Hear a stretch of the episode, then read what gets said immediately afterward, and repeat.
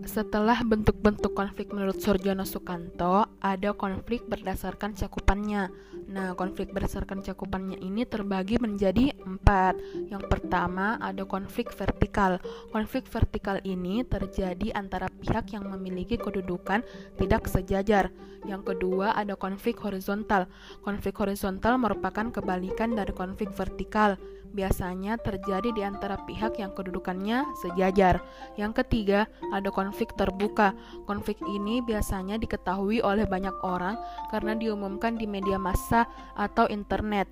Yang terakhir ada konflik tertutup. Nah, konflik tertutup ini juga sebaliknya dari konflik terbuka. Tidak diketahui oleh banyak orang, dia bersifat laten, dia bersifat laten dan hanya diketahui oleh beberapa oknum saja.